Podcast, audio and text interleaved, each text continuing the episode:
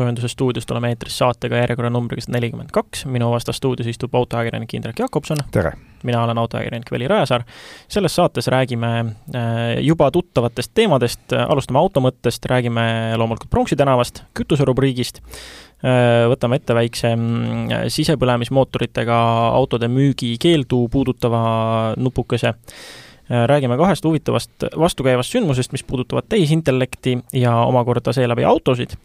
Nädala kadunikke on täitsa olemas, nädala ideeautosid on ja loomulikult on ka palju nädala elonist, äh, eriti just siin Twitteri saaga osas. Äh, proovisid autoks oli Citroen C5 Aircross ja muid uudiseid siia vahele, mida ma praegu ei maininud, jagub kindlasti ka, aga alustame sellest äh, auto mõttest, et Indrek, sa oled väga lihtsalt ja lakooniliselt kirjutanud, et hobiautode hooaeg sai läbi, mina tahaks kohe küsida, et ma vaatan kalendrit, ma ütleks, et minu hobiauto, põhiline hobiauto on juba poolteist aastat, poolteist kuud äh, garaažis, et, et mis, mis sul siis veel kestis siiamaani või? ei no ma tahtsin pigem öelda seda, et äh, temperatuur hakkab alla nulli minema ja praegu ei ole veel soola maha läinud, et need, kes äh, oma autokest väga hoiavad ja ei taha seda soolatada, siis nendel on küll viimane aeg ilmselt Äh, juba kuuri alla sammud viimane, seada. viimane võimalus, jah no samas... sellepärast november saab läbi, naastrehvid ja kellel ja. pole, või talverehvid, et aga samas, kuidas, kuidas kellelegi, mõnel on just hobiauto see, mis äh, talveks välja tuuakse, muidugi sel juhul tavaliselt ega nad hobiauto, vaid Winterpeetri või talveroima nime rohkem. aga tõenäoliselt hakkab ka neid äh, LED-baaride ja pikkade naastudega varustatud ilma ülevaatuseta masinaid teedel üha rohkem nägema, mida libedamaks läheb. jah, et ei saa öelda, et hobiautode hooaeg on läbi, et ühesugust hooaega sai läbi ja teiste hooaeg alles algab. Aga läheme nüüd selle toreda Pronksi tänava juurde. ma kohe alustaksin omapoolse väikse noh, ma ei saagi öelda, et otseselt kriitika, aga niisugune, ütleme, tekkis segadus, et äh, mina näiteks siin äh, teisipäeva õhtul kella viieks stuudiosse tulemise ajastamiseks äh, vaatasin Oasist, et noh, et ma jõuaksin kümme minutit enne salvestuse algust kohale, on nagu hetk kohvi teha ja mõelda ja mõtteid koguda ja ja kuidagiviisi on selle Pronksi tänava bardakk ikkagi nii tore, et Waze, kes muidu täiesti adekvaatselt äh,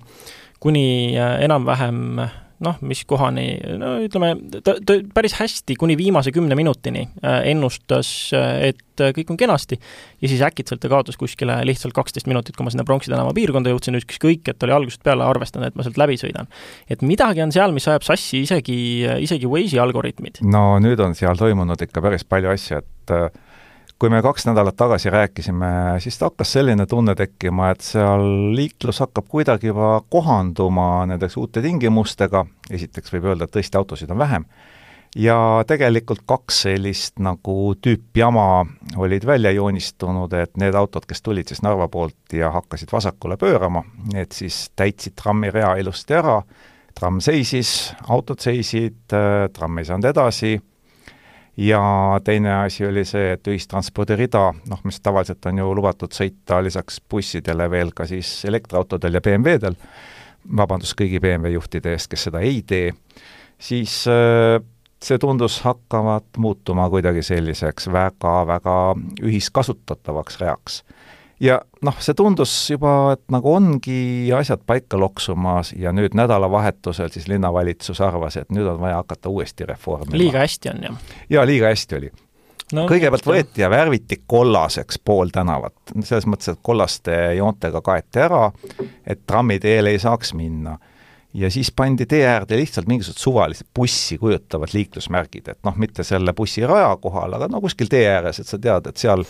kahjuks ei olnud aru saada, kas buss peab kõnnitee peal sõitma, kuidas need märgid olid pandud.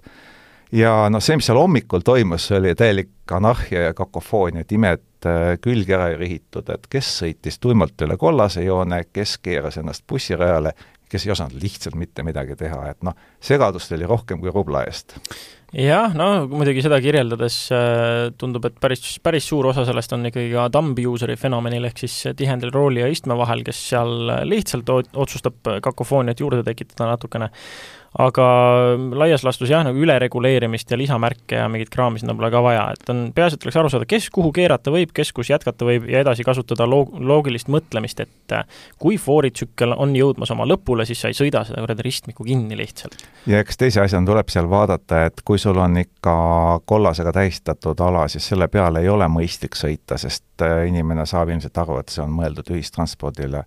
ja kui sa näed, et sinu rada ära lõpeb, siis enne ikka vaata külje peale, enne kui rida vahetama hakkad. aga järgmiseks räägime kütusest. Polegi siin pikalt juttu teinud, et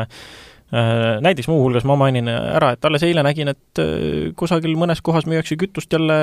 ühe koma kaheksa eest. jaa, tähendab, selliseid üksikuid väikseid kukkumisi on olnud ja need ei ole küll kahetsusväärselt regulaarseks ega süsteemseks saanud, et suured müüjad ei ole küll oma hindasid kuskile suunas kõigutanud, et äh, ikka on meil üheksakümmend viis, üks kaheksakümmend kaheksa ja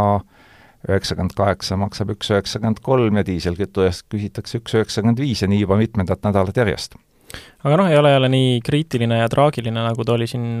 ütleme, nädal-kaks tagasi, kui oli ikka täitsa jälle peaaegu et kaks eurot no aga kui vaadata, mida Brenti barrel teeb, siis äh, nina on jälle allapoole ja no praegu siit oleks küll raske ennustada, mis sunniks teda ülespoole minema, et kui me siin aga saadet... ärme ära sõnu, kindlasti leiaks midagi. kindlasti leiab mingi põhjuse, eks ole, ja siis ostavad kõik oma la-, laod kohe ostavad täis. ostavad jälle kallist kütust täis nagu alati ja, ja. ma ei mäleta, mis saates ma seda ütlesin, aga no kuramus, olge siis ausad, kõik teavad, et te olete ettevõte, kes peab teenima kasumit, ettevõtetele kasum meeldib, aga öelge siis, ärge keerutage, öelge siis, et noh, mis teha, müüme kallilt, siis müüme kallilt, sõidate või ei sõida aga mm, noh, mis, mis muidugi teine kütus on, millest me nii tihti ei ole rääkinud kütuserubriigis, on elekter. Terminal Oilil on siin nüüd üks suur lubadus, et äh, järgmise, ülejärgmise, kahe tuhande kahekümne neljanda aasta lõpuks nad lubavad siis ülikiireid elektriauto laadijaid igasse Eestimaa nurka põhimõtteliselt. kui ma seda pressiteadet lugesin, mis oli küll nagu hästi napp selles mõttes, et äh, teada on ainult seda, et seda kaasrahastatakse Euroopa Liidu ühtekuuluvusfondist, isegi projekti nime nad äh, ei ole avalikustanud. ja pole ka avalikustanud seda, millised laadimispunktid esimesena alust-, ava, esimesena avatakse. aga ükspuha nii või naa, seitsekümmend kolm laadimispunkti, kõik kiirusega rohkem kui sada kilovatti, see on äh, ülikõva sõna, sest kui seda kaarti vaadata, siis äh, kahekümne neljanda aasta lõpuks peakski olema nagu Eesti päriselt laadijatega kaetud, mitte ainult Tallinn-Tartu trass, nagu praegu on. ja noh, see oli üks pressikas, mis siis äh, saadeti, teine tuli äh, õliühingult ja neil oli ka natuke teatada. no nende on, nemad teatasid äh, seda, et bensiinimüük vähenes viis koma kolm protsenti ja diiselkütuse müük jäi isegi samaks ja tundub praegu, et õliühing ongi hakanud nagu maailmaga suhtlema selliste pressiteadete vahendusel aga nende sõnum on ikka see, et lugupeetud valitsus, vähendage kütuseaktsiisi, samas kui vaatame nüüd kütuse tarbimist, samaks jäänud diiselkütuse müüginumbrid ütlevad, et see kriis ei ole kuidagi nagu majandusse kohale jõudnud või ei ole transpordisektorisse kohale jõudnud, mingi jama on, et müüginumbrid on samad ja samas, olge lahked, me võtsime ka inflatsiooninumbrid välja, iga kuu siis teatame, bensiin eelmise aastaga võrreldes kakskümmend kaks protsenti kallim, diiselkütus nelikümmend kolm protsenti kallim ja ikka on tarbimine sama suur. no aga kes nende kõrgete kütusehindadega püüab nüüd äh, huvitaval kombel võidelda, on äh, muuhulgas Ameerika Ühendriikide president äh, Joe Biden et äh, ta säutsus äh, nüüd juba täitsa ametlikult Elon Muskile kuuluva Twitteri vahendusel ühe huvitava väljaütlemise. no tegelikult see väljaütlemine on ju täitsa sarnane sellele, mis sinagi, Vili, ütlesid, et äh, aktsionäridele kasumi andmine ei ole sama, mis hindade langetamine, et ülemäärased kasumid lähevad tagasi aktsionäridele ja noh, saage aru, inimesed, et selle asemel, et langetada hindu, need lähevad aktsionäridele, juhtidele, noh, ütleme nii, et äh, need üleskutsuvad säutsud ei ole Ameerikas küll kütuse hinda langetanud, aga vähemasti ameeriklased ka enam nii väga ei muretsegi nende pärast, võrreldes meenutame, suvel olid ju väga košmaarsed hinnad seal meie hindades juba vist üks koma kolm eurot ja see on ju täiesti kohutav. jah, jah, aga mm, tundub, et no ma ei imestaks, kui Elon Muski äh, kuuluvuses äh, tuleks Twitteri osas mingit sorti reklaamkampaaniat One tweet a day keeps the doctor away, et äh, tundub, et ka Biden rakendab seda jõuliselt. aga nädala numbriks on nelikümmend kaks koma neli ja see on? See ei ole mitte ainult nelikümmend kaks koma neli, vaid see on nelikümmend kaks koma neli miljardit dollarit, see on peaaegu üks Twitter. Ja see on teatavasti Elon Muski suurima pahameele allika ja muidu tema hingerahu rööviva Saudi Aramco üks ühekordne puhaskasum kolmandas kvartalis, et eelmine aasta samal ajal ainult kolmkümmend koma neli miljardit dollarit ja veidi üle ootuste nüüd ka siis selle oma, et ja mitte käs-, mitte ainult käive, vaid kasum. Just, nii et kvartali kasumi eest üks Twitter, noh jah, Muskil on veel natuke maad minna kuigi Musk lubab, et äh, Tesla saab kunagi suuremaks kui Saudi Aramco, aga noh, tal läheb sinna ikka päris palju aega. ja no vaadates äh, Tesla aktsia hinda, mis äh, käis seitsmendal novembril alla kahesaja USA dollari piiri üle pika aja, siis, ähm, siis noh, see, sinna tõesti vist, vist läheb mõni hetk veel. no arvestades seda, et et äh, umbes aasta tagasi novembri alguses oli tipp üle neljasaja ja nüüd siis äh, splitti arvestades alla kahesaja, nii et üle kahe korra on juba kukkunud, no ja see tähendab seda, et ka Elon on selle võrra vaesemaks jäänud. Järgmiseks hüppame ka ühe teise T-tähega autotootja juurde, kellest äh, on siin saates ebaproportsionaalselt vähe juttu ja see on Toyota mäletatavasti nad lubasid oma teise kvartali äh, lõpus, et äh, nad hakkavad aega, hakkavad kiiresti ja täidavad kindlasti oma kolmanda, kolmanda kvartali müügihinnangud, müügiennustused. nüüd me näeme, et nii see siiski ei ole läinud. ei ole läinud ja ilmselt ei lähe ka ja Toyota ütles hiljuti välja, et nemad siiski oma aasta alguses planeeritud tootmisnumbreid täita ei suuda. noh, meie kahtlesime juba siis, aga nüüd on Toyota jõudnud ka samale järeldusele, mis meie. aga äkki nad kuulasid saadet? võimalik. aga nad jäid vahele ideeautoga, et äh, teadupärast eelmise aasta kevadel sõitsime ringi neljanda põlvkonna Toyota Highlanderiga, seitsmekohaline, Ameerikast toodud siia ainult hübriidid ja väga äge auto, ütlesime, et see hakkab äh, konkureerima tõsiselt Land Cruiseriga, ma ei tea, minu naabrimees vahetas oma Land Cruiseri küll Highlanderi vastu. ilmselt siis nii töötabki aga mis on põnev, see, et äh, Toyota töötab juba viienda põlvkonna kallal, et see, mis meil praegu müügisaalis on, see on neljanda põlvkonna oma, ja maskeeringu alt äh, tunti ära, et uus Highlander on tulemas. Ja nüüd ei teagi, et kas see saab olema siis nagu kõlakad ütlevad, Grand Highlander või siis tuleb lausa kaks uut mudelit, et tuleb tavaline Highlander ja Grand, igatahes see, mis nagu äh, kuskil tabatud on, see vist äh, saab olema Grand, igatahes Euroopas seda ei jõua, me arvame nii, ta on liiga suur, seda mõõtu aga on tal konkurente vähe, nii et kui ta tuleks äh, noh, niisugune Exploreri mõõtu, siis võiks täitsa nagu auto olla, aga ilmselgelt, kui ta siia tuleb, siis ainult pistikhübriidina, sest muidu tal siia pääseda ei õnnestu no ja veel Toyotast äh, väga lähiajal on tulekul ka meile siia Corolla Cross, millega peaks äh, saama proovisõitu teha ja no kui saab, eks te siis olete ühed esimestest, kes kuulevad, mis sorti masinaga tegu on. aga kes huvi tunnevad, võivad minna Toyota edasimüüjate kodulehtedele ja hinnakirjad on juba väljas, tutvusime nendega natukene, algus on üsna RAV4 tasemelt, kuna tegu on küll RAV4-st natukene väiksema autoga, ta siis on positsioneeritud ilusti RAV4 ja Yaris Krossi vahele, siis need hinnakirjad lõpevad muidugi madalamal kui RAV4 omad no ja kui äh, siin ühest ideeautost ehk sellest suurest Highlanderist juba rääkisime, siis äh, räägime veel ühest ja see on hoopiski Škodalt. et Škoda avalikustas äh, väga omapärase auto nimega Škoda Yeti pickup, et nimi küll ütleb, millega on tegu, aga Škoda Yeti, mida siis toodeti mäletatavasti aastatel kaks tuhat üheksa kuni kaks tuhat seitseteist ja praegu on tootmisest maas, siis äh, jah, seda autot ei ole keegi näinud ja kas neid toodeti üks või kaks, ei ole ka täpselt teada. ja kümme aastat tagasi mõeldi välja, kümme aastat tagasi tehti prototüüp ja siis Škoda saatis pressiteate alles tänavu sügisel, täpselt kümme aastat hiljem et äh, esiosa pärines tavalisest äh, Škoda Yeti Crossoverilt, tagumine ots võeti siis kolmanda põlvkonna Volkswagen Caddy Maxilt ja katuse tagumine osa võeti ära, kabiin võeti ära, tehti eritellimusel kerepaneelid ja tuligi niisugune väga vahva, natuke tavatute proportsioonidega kaheukseline,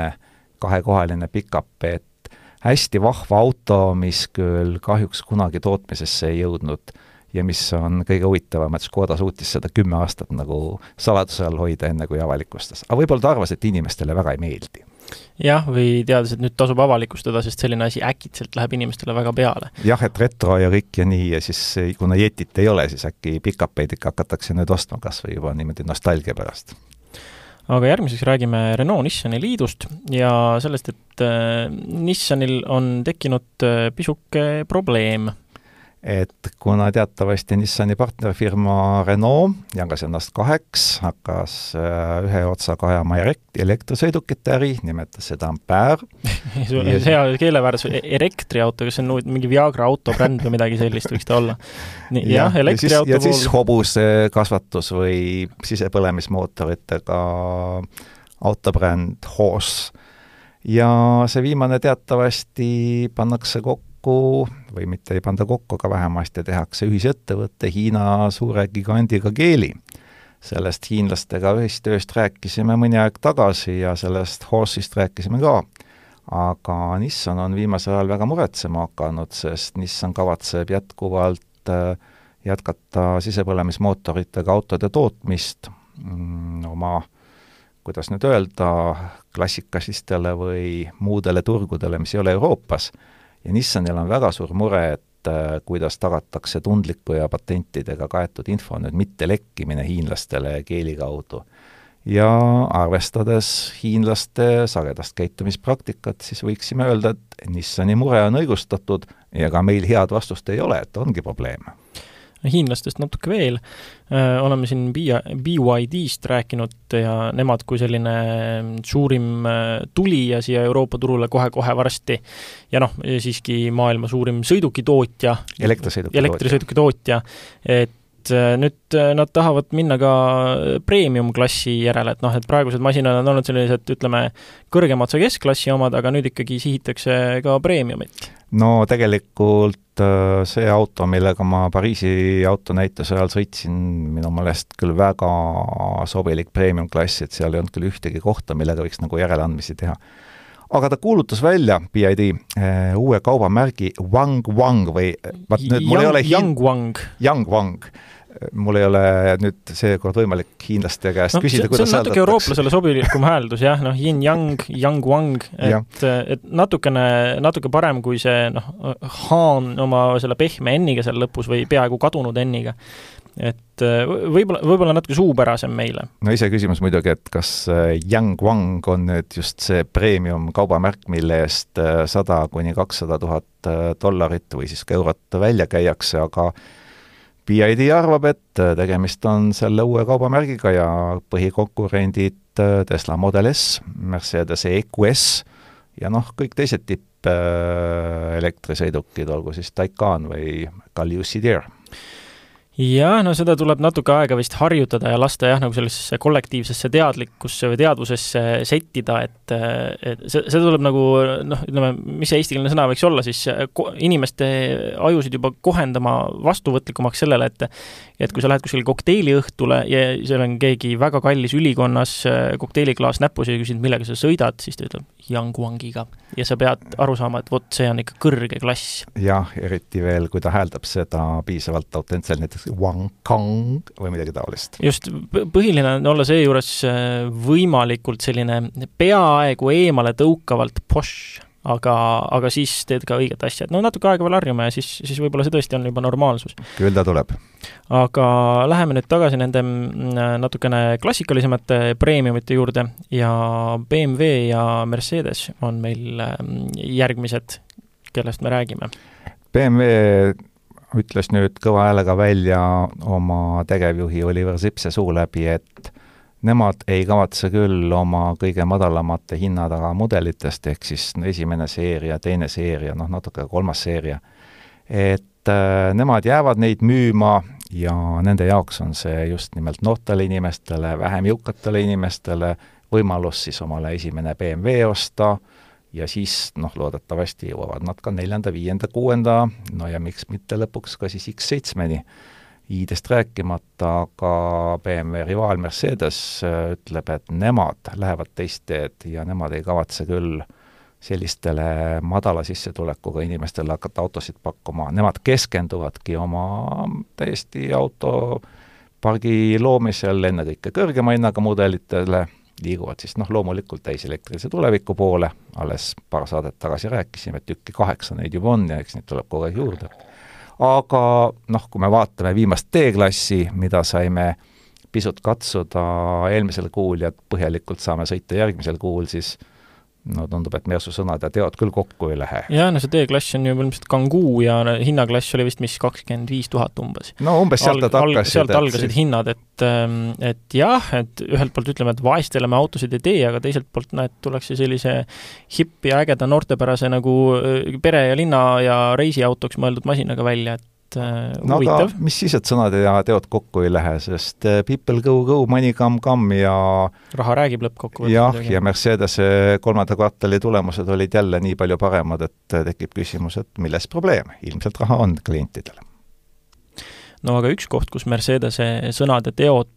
kokku lähevad, tõsi küll, umbes pärast kuueaastast viivitust, on see, mida suudab nende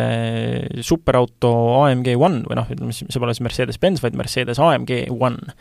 Ja noh, see on kuus aastat tegemises olnud kaunikene, mis teatavasti ju kohe, kui seda te tegema hakati, kui idee tuli, siis tundus, et Mercedes nagu hammustas natukene või noh, öeldi välja natukene liiga suur tükk, mida päriselt tegema hakata, et me võtame nüüd F1 päritolu mootori ja paneme selle autosse. et neid kriitikuid oli minu meelest piisavalt, kes küsisid, et kas Mercedes on hulluks läinud või mida nad teha mõtlevad ja miks nad oma raha kulutavad lihtsalt sellise täiesti mõttetu projekti peale no vot, aga eks äh, see ajalugu ja pärand ja noh, ja kõik tulevastele põlvedele ka kõik see, noh, eks ikka oma märk on vaja nagu maha jätta, et et noh, ja siin analoogselt sarnasel ajal ju ütles Aston Martin, et nad teevad oma Valküüri ja kõik mit-, mitu sellist F1 mootoriga autot lubati. et jah, see AMG One, kui ma ei eksi, see projekt pidi vältama kolm, aga nüüdseks on väldanud peaaegu kuus aastat tõesti, et aga nüüd on jõudnud asi nii kaugele, et masinad tõesti on väljas, sõidavad ja mm, isegi märgiti maha Nürburgringi uus seeriaautode rekord. mis on nagu kõige tähtsam sündmus selle just, juures. et selle koha pealt nagu ikkagi Mercedesele tuleb au anda, et sõnad läksid ees ja teod tulid ka järele ja noh, seal on muidugi see, et kui vaadata, nüüd järjest on tulnud igasuguseid autoajakirjanikude arvas-, arvustusi, kes on, kellel on olnud piisavalt õnne, et selle masinaga sõita, et noh, siin suuremate väljaannete kuulsamad äh, härrad nagu Chris Harris ja äh, siis on Matt Watson, mis väljaandes ta oligi ähm,, noh, siin on mõned nimekamad, kes on selle masinaga sõita saanud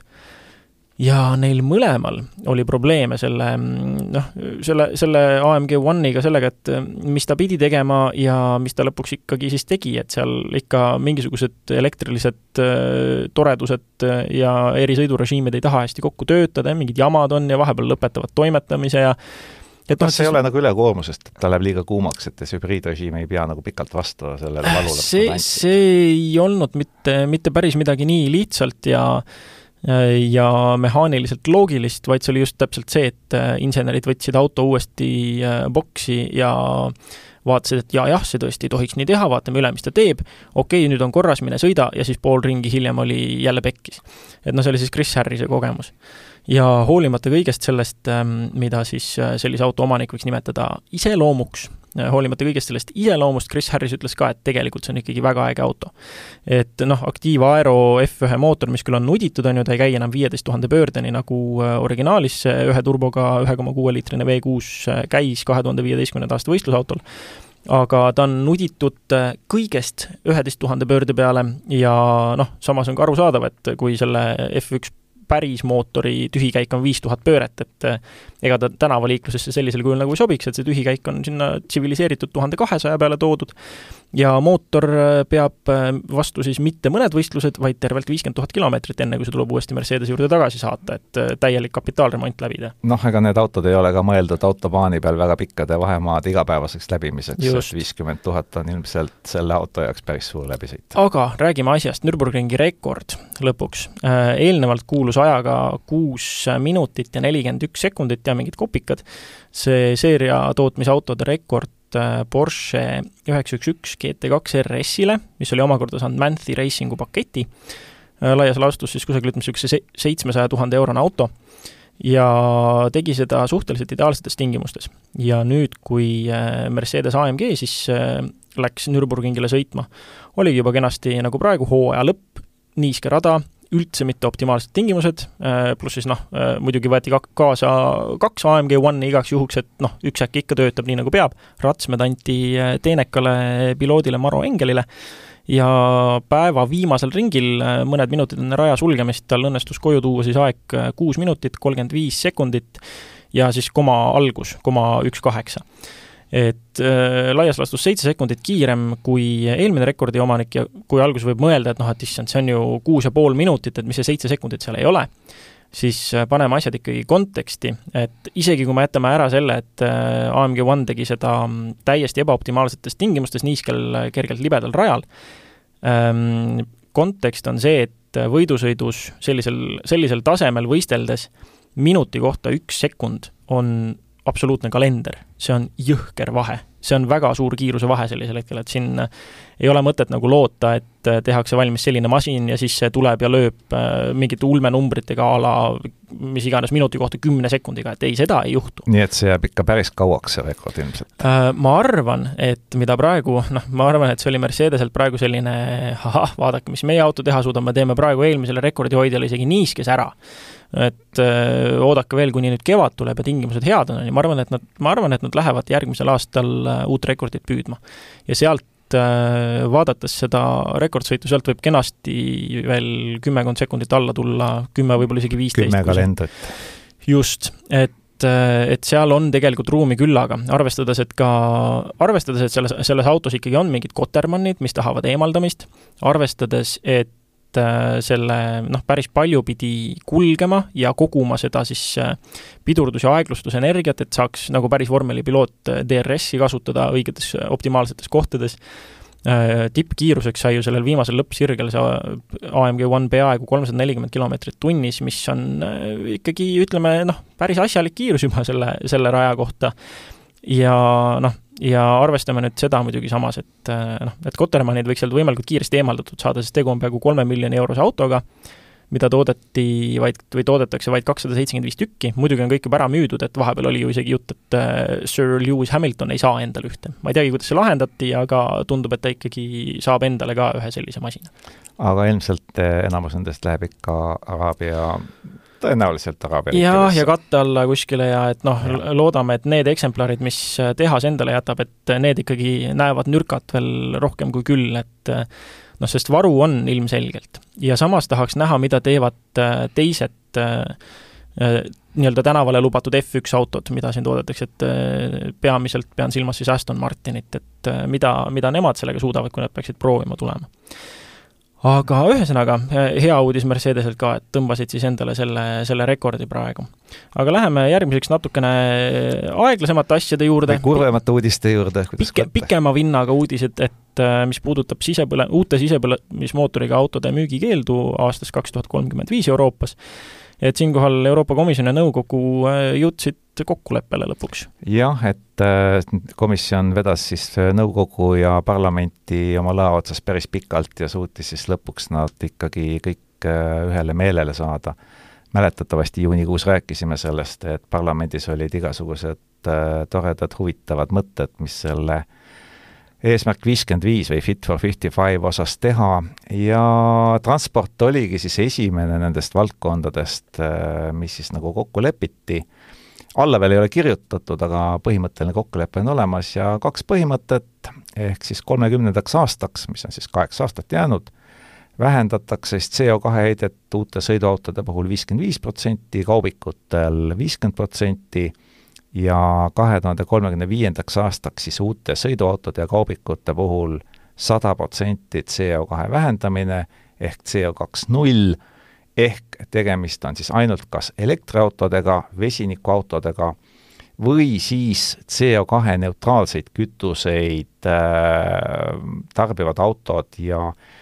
see ei ole praeguseks hetkeks veel täpselt paigas, meil Eestis on siin äh, biometaani puhul veel mingi lootus, noh, me ei oleks küll väga lootusrikkad, aga natuke seda lootust on. Äh, mis juhtub äh, kahe tuhande kahekümne kuuendal aastal, see kokkulepe, see tähendab seda, et nelja aasta pärast vaadatakse see kõik uuesti üle ja siis vaadatakse muuhulgas üle ka see, et kas pistikhübriid ikka on nii halb, et me kanname ta lõplikult maha või anname talle siiski armuaega. ja see, mis puudutab nüüd äh, neid viiekümne, viiekümne viie protsendi erandeid, noh, kaubikud küll nüüd vaevalt, aga tuleb veel sisse selline asi nagu väiketootjate erand kahe tuhande kolmekümne viienda aasta lõpuni.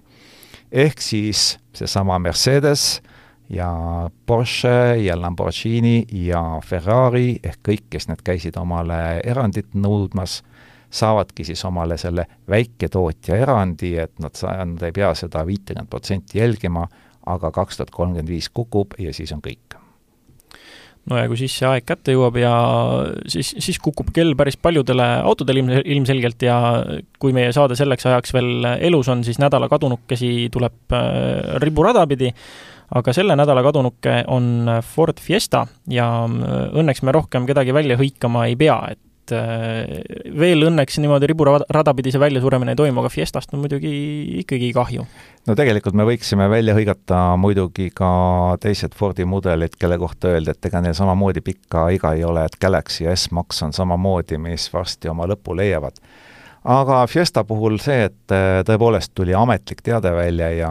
Fordi tegevjuht Jim Farley tegi isikliku järelhüüde,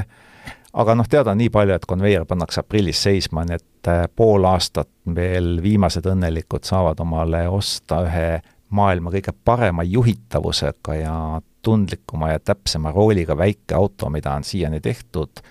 mis, äh, mille kvaliteet ei ole sugugi vilets ja mis sõidab sellise pisikese auto kohta täitsa normaalselt, maksab mõistlikku hinda, City-Bigi on neid veel meie tänavatel ostnud, nii et sõitke veel, kuni saate. Äh, nüüd aga läheme sammu tulevikku, äh, natukene isejuhtiva auto teemadel. Äh, kaks vastandlikku uudist, mis puudutavad tehisintellekti ja pisut ka isejuhtimist et esimene on siis negatiivne uudis selles valdkonnas, selline firma nagu Argo ai, ehk siis ai tuleneb sellest tehisintellekti lühendist loomulikult. kahe tuhande kuueteistkümnendal aastal asutatud firma, Ford pani sinna viie aasta jooksul miljard dollarit sisse Volkswagen oli teine partner ja kokku sai ta siis erinevatelt investoritelt kokku kaks koma kuus miljardit dollarit ja nüüd siis äh, teatati hiljuti, et see firma lõpetab oma tegevuse, koondati viimased töötajad, äh, ettevõte pandi täiesti kinni, aga parematele peadele muidugi pakuti Fordi ja Volkswageni kontsernis lihtsalt uh, uut tööd. Et päris äh, helged pead kahtlemata tööta jäänud, need korjati üles, lisaks said kõik äh, korraliku lahkumishüvitise, aga sellegipoolest äh, sümboolne, et ei ole ikkagi kõikidel suurtootjatel väga suurt usku sellele tehisintellekti liikuvatele autodele. ja just taustaks veel, mis jäi mainimata, et Argo ai ülesanne olekski olnud siis just täpselt selle osaga tegeleda ja laias laastus on nüüd Ford äh, ongi öelnud, et noh, et me ei, me ei näe sellel hetkel veel vähemasti mõtet sinna raha matta, et sellel nende jaoks nagu tulevikku ei ole. Ja siis teiselt poolt on äh, selline asi nagu Mobileye või Mo-, Mobileye või kuidas teda peaks hääldama, igatahes ähm, nemad siis äh, hoopiski lähevad suure hurraaga, et nemad on järgmine suur asi, mis peaks juhtuma.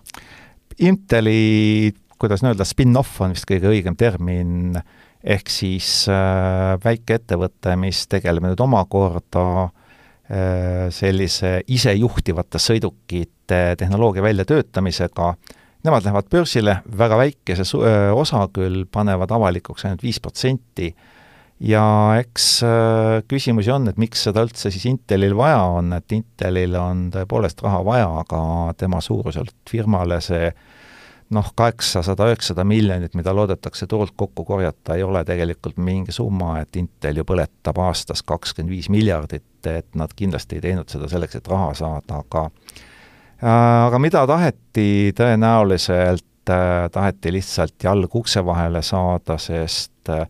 nad on samamoodi ühed kõige tõsisemad tegijad autonoomsete sõiduabisüsteemide turul ja noh, eks nad teevad nagu Toyota või Tesla, kõik üritavad sinna tulla, aga Nemad ei taha omale ise ju, Intel ei kavatse autosid tootma kunagi hakata ja nemad ei kavatse hakata taksoteenust pakkuma nagu Waymo, aga nad tahavad eh, pääseda sellest ja hakata müüma lihtsalt läbi kolmandate osapoolte oma tarkvara ja oma tarkust, nii et äh, eks siis näeme, kuidas see asi tulevikus minema hakkab, et kas sellest saab nagu tulevikus Apple või tuleb Apple hoopis ja ostab nad ära, aga kindlasti, kindel on see, et see näitab, et kõik ei ole lootust kaotanud ja Intel loodab, et ju siis ikka saab ka jala ukse vahele ja saab ka autonoomsest juhtimisest osa. sest noh, kui see ükskord peaks teoks saama, siis see on tõesti väga suur turg ja väga suur raha, ainult et millal no suur turg, suur raha äh, ja isejuhtivad autod ja palju lubadusi, see viib meid ilmselgelt äh, nädala Elonini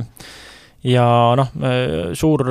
asi on siis see, et Twitter sai talle päriselt lõpuks ostetud, see liigutus on nüüd tehtud, ta on oma, ta on juhina seal juba esimesed asjad teinud, esimesed kirjad saatnud, esimesed töötajad vallandanud ja palju veel. et äh, laias laastus selle, mis tema ajal nüüd toimunud on, saab äh,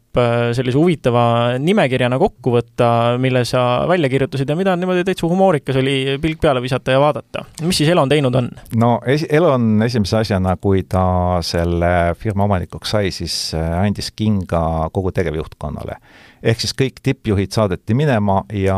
kahetsusväärselt muidugi lahkus nendega veel hulk ka teisi tippjuhte, kellega nagu oleks Elon hea meelega koostööd jätkanud. Eriti oluline persoon nendest, kes ise läks minema, oli reklaamisuhete eest vastutav juht. Ja selle noh, küll mitte ainult seetõttu, aga sealhulgas seetõttu suured reklaamiandjad lõpetasid oma kulutused re reklaamimiseks Twitteris autotootjatest, kuna meil on autosaade, siis Ford oli teaduolevalt kõige esimene, kes oma reklaamid seal lõpetas, äh, General Motors oli kohe järgi, aga suured tegijad hiljem ka teised. reklaam on ju sellepärast oluline, et Twitteri põhitulu tuleb reklaamist. siis järgmisena Musk vallandas poole oma töötajatest, ta küll enne teatavasti lubas, et ta vallandab kolmveerand, nüüd vallandas poole, siis sai aru, et on vaja osa tööjõust uuesti palgata ja võttis tööle tagasi siis äh, säutsus Twitteris, et äh, Twitteri tulud on oluliselt vähenenud ja kuna ta on rääkinud pikalt, et ta tahab luua sellise erilise asja nagu Twitter Blue, siis lubas selle eest küsida kakskümmend dollarit kuus, aga Stephen King kaebas selle peale ja Musk ütles, et hea küll, kaheksa dollarit kuus, selle eest saad sinise lipiku oma nime juurde. ja kui see selline autoriseerimine lahti läks, siis äh, tekkis tõepoolest tohutu hulk igasuguseid libakontosid, alustades George Washingtonist, kes lubas igasuguseid toredaid asju ja lõpetades sellega, et äh, insuliini juba lubati taga, tasuta jagada ja see oli tõsine jama. inimesed äh, juba läksid tõesti küsima apteeki, et nüüd äh, kus on tasuta insuliin, sest oli ju kirjas, et saab. ja taustaks seda, et Ameerikas on insuliin üle kümne korra kallim kui näiteks Euroopas, nii et eks nad teadsid, millele, mis nupule vajutada mis siis edasi sai, mõned lisaks hakkasid veel ise Elon Musk'i kujutama ja see oli Muskil juba viimane piir, et äh, siis keerati see uuesti kinni ja siis teatas, et äh, nüüd on siis võimalik äh, kinnitatud kasutajatel oma kuvatavaid nimesid mu-, muuta. Ja siis Musk müüs veel nelja miljardi dollari eest Tesla aktsiaid ja siis ta otsustas, et nüüd ta võtab hoopis hallid tšekid kasutusele, no umbes samasugused nagu need sinised, ainult halli värvi siis ta sai aru, et see on jama ja paari tunni pärast lõpetas selle ära ja siis ta saatis oma töötajatele meili, et vabandust, see on minu esimene e-kiri ettevõttes, aga seda sõnumit ei saa kuidagi üle kanda, eesolev majanduspilt on kohutav. väga motiveeriv. jah, ja siis ta hoiatas lõpuks, et äh, Twitteri pankrot on tõepoolest võimalik, sest päevas põleb neli miljonit dollarit. ja noh, lõppude lõpuks on siis see, et et äh, nüüd on Elon jälle Delaware'i kohtus ja ses samas kohtus, mis, kus sunniti teda Twitteri ostu lõpule viima, aga seekord küll juba Tesla boonusprogrammiga. nii et eks siis näis, äh, mida investorid selle kord, seekord sellest kohtuasjast arvavad, noh, Elonil on ju kohtuasju palju kaelas, viimase sai ta alles Hiinas, kui teatavasti üks Tesla jälle vastu puud või vastu seina sõitis ja vist kaks inimest surma sai. see oli jah huvitav, äh, huvitav asi, see, sellest on isegi videod väljas, kus äh, Tesla üritab seisma jääda, Äh, tee äärde tõmbab, siis laseb kõvasti signaali ja hakkab lihtsalt kiirendama. Ja sõidab ja sõidab ja sõidab ja, ja ei saa enne seina pidama, tee läheb mitu kusjuures väidetakse ja..., et jah, et see on juhi viga, eks ole, ja samal ajal politsei ütleb, et see ei ole juhi viga. juht väitis, et piduripedaali mingi error, jah jah, igatahes äh, Elonil on nüüd järjekordne suur probleem kaelas. no seda lubati ühesõnaga uurida Tesla poolt ja telemeetriat vaadata ja, ja nii edasi. näis, mis veel sellest omakorda saab. kui sellest midagi olulist saab, siis äh, ilmselgelt võtame selle ka saates jutuks millalgi. aga noh, siin äh, Twitteri teemadel veel seda, et noh, et kes siis lisaks Fordile on reklaamide näitamist siin muuhulgas lõpetanud, et noh, Volkswagen AG soovitas kõigil oma brändidel Twitteris reklaamimise peatada Pfizer ehk siis Ameerika ravimitootja ja toidufirma General Mills äh, lõpetavad äh, Twitteris reklaamimise muuhulgas, et noh, siin on kõik, kõik tundub, et ootavad ja vaatavad, et, et kui Musk jala maha saab ja lõpuks nagu enam-vähem stabiilseks muutub seal eesotsas. mitte stabiilseks geeniuseks. jah, et üleüldse, et kui seal asjad natuke nagu stabiliseeruvad, et siis võib-olla võib sellele reklaami tagasipanemisele mõelda, aga jah, senikaua raha põleb. aga meile helistas sisse üks meie kuulaja ja ütles, et ärge olge nii pessimistlikud siiamaani on kõik, mida onu Elon puudutanud, muutunud kullaks. ja mina arvan isiklikult, et see juhtub ka Twitteriga. jah, siin ongi see, seda sisseelamise aega vaja, et praegu see, see tundub jah, nagu väga niisugune edasi-tagasi tõmblemine ja noh, eks ta ongi, eks, eks aeg näitab. mina seevastu siin teisel pool seda pessimismi selles osas säilitan, et et, et vähemasti, ma arvan, vähemasti kaks-kolm kuud on äh, Twitteriga päris huvitav olukord jälgida, et kuidas asi toimub. siis, siis võib muidugi jah, tõenäoliselt ta saab asjad seal jonksu ja, ja asi hakkab töötama jälle nii, nagu peab. no muidugi, kui ta saab asjad tõepoolest jonksu ja väga hästi toimima, siis äh, The Economistis oli juba värske artikkel selle kohta, et kui Elonil läheb Twitteriga hästi, siis üldiselt tuleb äh, MBA programmid ja eriti selle juhtimise osa ümber kirjutada, et ilmselgelt siiamaani kasutusel olnud põhimõtted enam ei tööta, sest Elon on näidanud, et maailm on nüüd teistsugune. aga saate lõpetuseks võtame ette nädala proovisõiduauto ja selleks oli Citroen C5 Aircross. jälle kord saab rääkida Indrek, ta on ka loo tegelikult ära kirjutanud, jällegi Accelerista portaali saate minna juba vaadata, kes ei ole lugenud, Fortes on ka uudis üleval aga räägime ta ikkagi saates ka ära, mina siis küsin küsimusi jällegi. et alustame sellest, et ähm, mis äh, varustustaseme masinaga oli tegu, mis jõuülekanne, käigukast, ähm, mis vedu, äh, mis hind, mis olid tema need põhilised, äh, põhilised arvulised näitajad ja atribuudid? hakkame siis pihta sellest, mis on võib-olla kõige olulisem ja kõige tundlikum. See on esiveoline auto ja Citroen on praegusel hetkel kogu Citroeni mudelivalik eranditult esiveoline, vähemasti need, mida Eestis ametlikult müüakse. Miks see nii on, tõenäoliselt on tegu Stellantise kontserni poliitikaga ja Citroen äh, C5 äh, Aircrossi on siis äh, tegelikult saadaval kolme erineva mootoriga üldse, on siis saja kolmekümne hobujõuline bensiinimootor, see ühe koma kahene, kolme silindriga, suhteliselt õnnetu isend, noh, sõitis küll, ütleme noh, sai hakkama on eh, ühe koma viie liitrine diiselmootor, samuti sada kolmkümmend hobujõudu, väga, väga okei okay mootor, ja siis on kahesaja kahekümne viie kombineeritud hobujõuline siis pistikhübriid, mis eh, kasutab siis sama süsteemi, mis on kasutusel ka näiteks Opel Astral või siis Opel Grandlandil. Et proovisõiduautoks oli siis bensiinimootor, nagu sai juba öeldud, ja varustust on tal tõepoolest äh, neli erinevat, kõige madalam on Live ja kõige ägedam on siis Shineback, mis siis ka mul oli. et äh, need hinnad hakkavad siis pihta umbes kahekümne kaheksa tuhande euro juurest, hinnakirja hinnad ja lõpevad siis neil üle neljakümne viie tuhande ja sinna annab siis veel kõvasti lisavarustust juurde panna, kes tahab. ja käigukast, mis ta on, kas ta on kaheksane automaat või kuuene? kaheksane automaat mm -hmm. jah, et see on see, mis on Stellantise kontserni üks viimaseid tooteid ja see on samamoodi noh, hästi paljudel nendel autodel kasutustel ja minu hinnangul väga okei sa oled ilmselt ka sõitnud sellega, meenuta kas mm -hmm. või Astra vist, kui sa sõitsid, see oli ka samaga, et see on, see töötab hästi, vahetab sujuvalt, Äh, midagi talle ette heita selles võtmes ei ole. Äh, nüüd äh, küsin ruumikuse kohta, kuna ta on ikkagi noh, C5 on ikkagi nii-öelda siis lipulaeva auto, kuidas, kõigepealt, mis see, mis see Aircross seal järel tähendab? Aircross tähendab seal järel seda, et tegemist on linnamaasturiga, et C5 oli teatavasti kahe tuhandendast aastast toodetud sedaan või universaal ja siis aastal kaks tuhat seitseteist kadus see vaikselt müügil ja suure käraga tuligi siis esimese põlvkonna C5 Aircross ja praegu oli temale siis tegemist, ütleme, näoraskendusega ja siis see tähendab ka muuhulgas seda, et lisaks äh, kõrgemale clearance'ile on tal ka külje peal need pehmendused, et just ära jah, nii nagu Citroen seda nimetab. ja kuidas tema sees ruumikusega on, on midagi paremaks läinud, sa hiljuti sõitsid ju ka C5X-iga? no nad on natukene erinevad autod selles võtmes, et Aircross on tunduvalt kõrgem ja ta on ikkagi veel rohkem mugavusele orienteeritud, kuigi võiks arvata teistmoodi. tagaistmel üllatavalt jah, äh, keskmine mees, kui ennast esiistmel paika seab, siis taga on äh, täiesti okei okay olla, aga mitte enamat.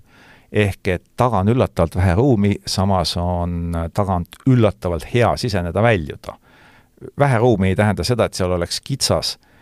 küll aga on tagaiste tehtud niimoodi kolmes võrdses osas edasi-tagasi liigutatav, mis tähendab seda, et keskmisel kohal istujal on hea äärmistel on tavalise sellise kak-, nelikümmend, kuuskümmend jaotuse puhul mugavam istuda, et Citroen on nagu läinud selle peale, et piisavalt suur auto ja jagame taga võrdseks kolmeks osaks. Pakiruum täiesti tavaline selles mõttes, ei ole mingi, tegu mingi ruumiimega, kaheastmeline põrand, et noh, tõesti selline mm. tänapäevane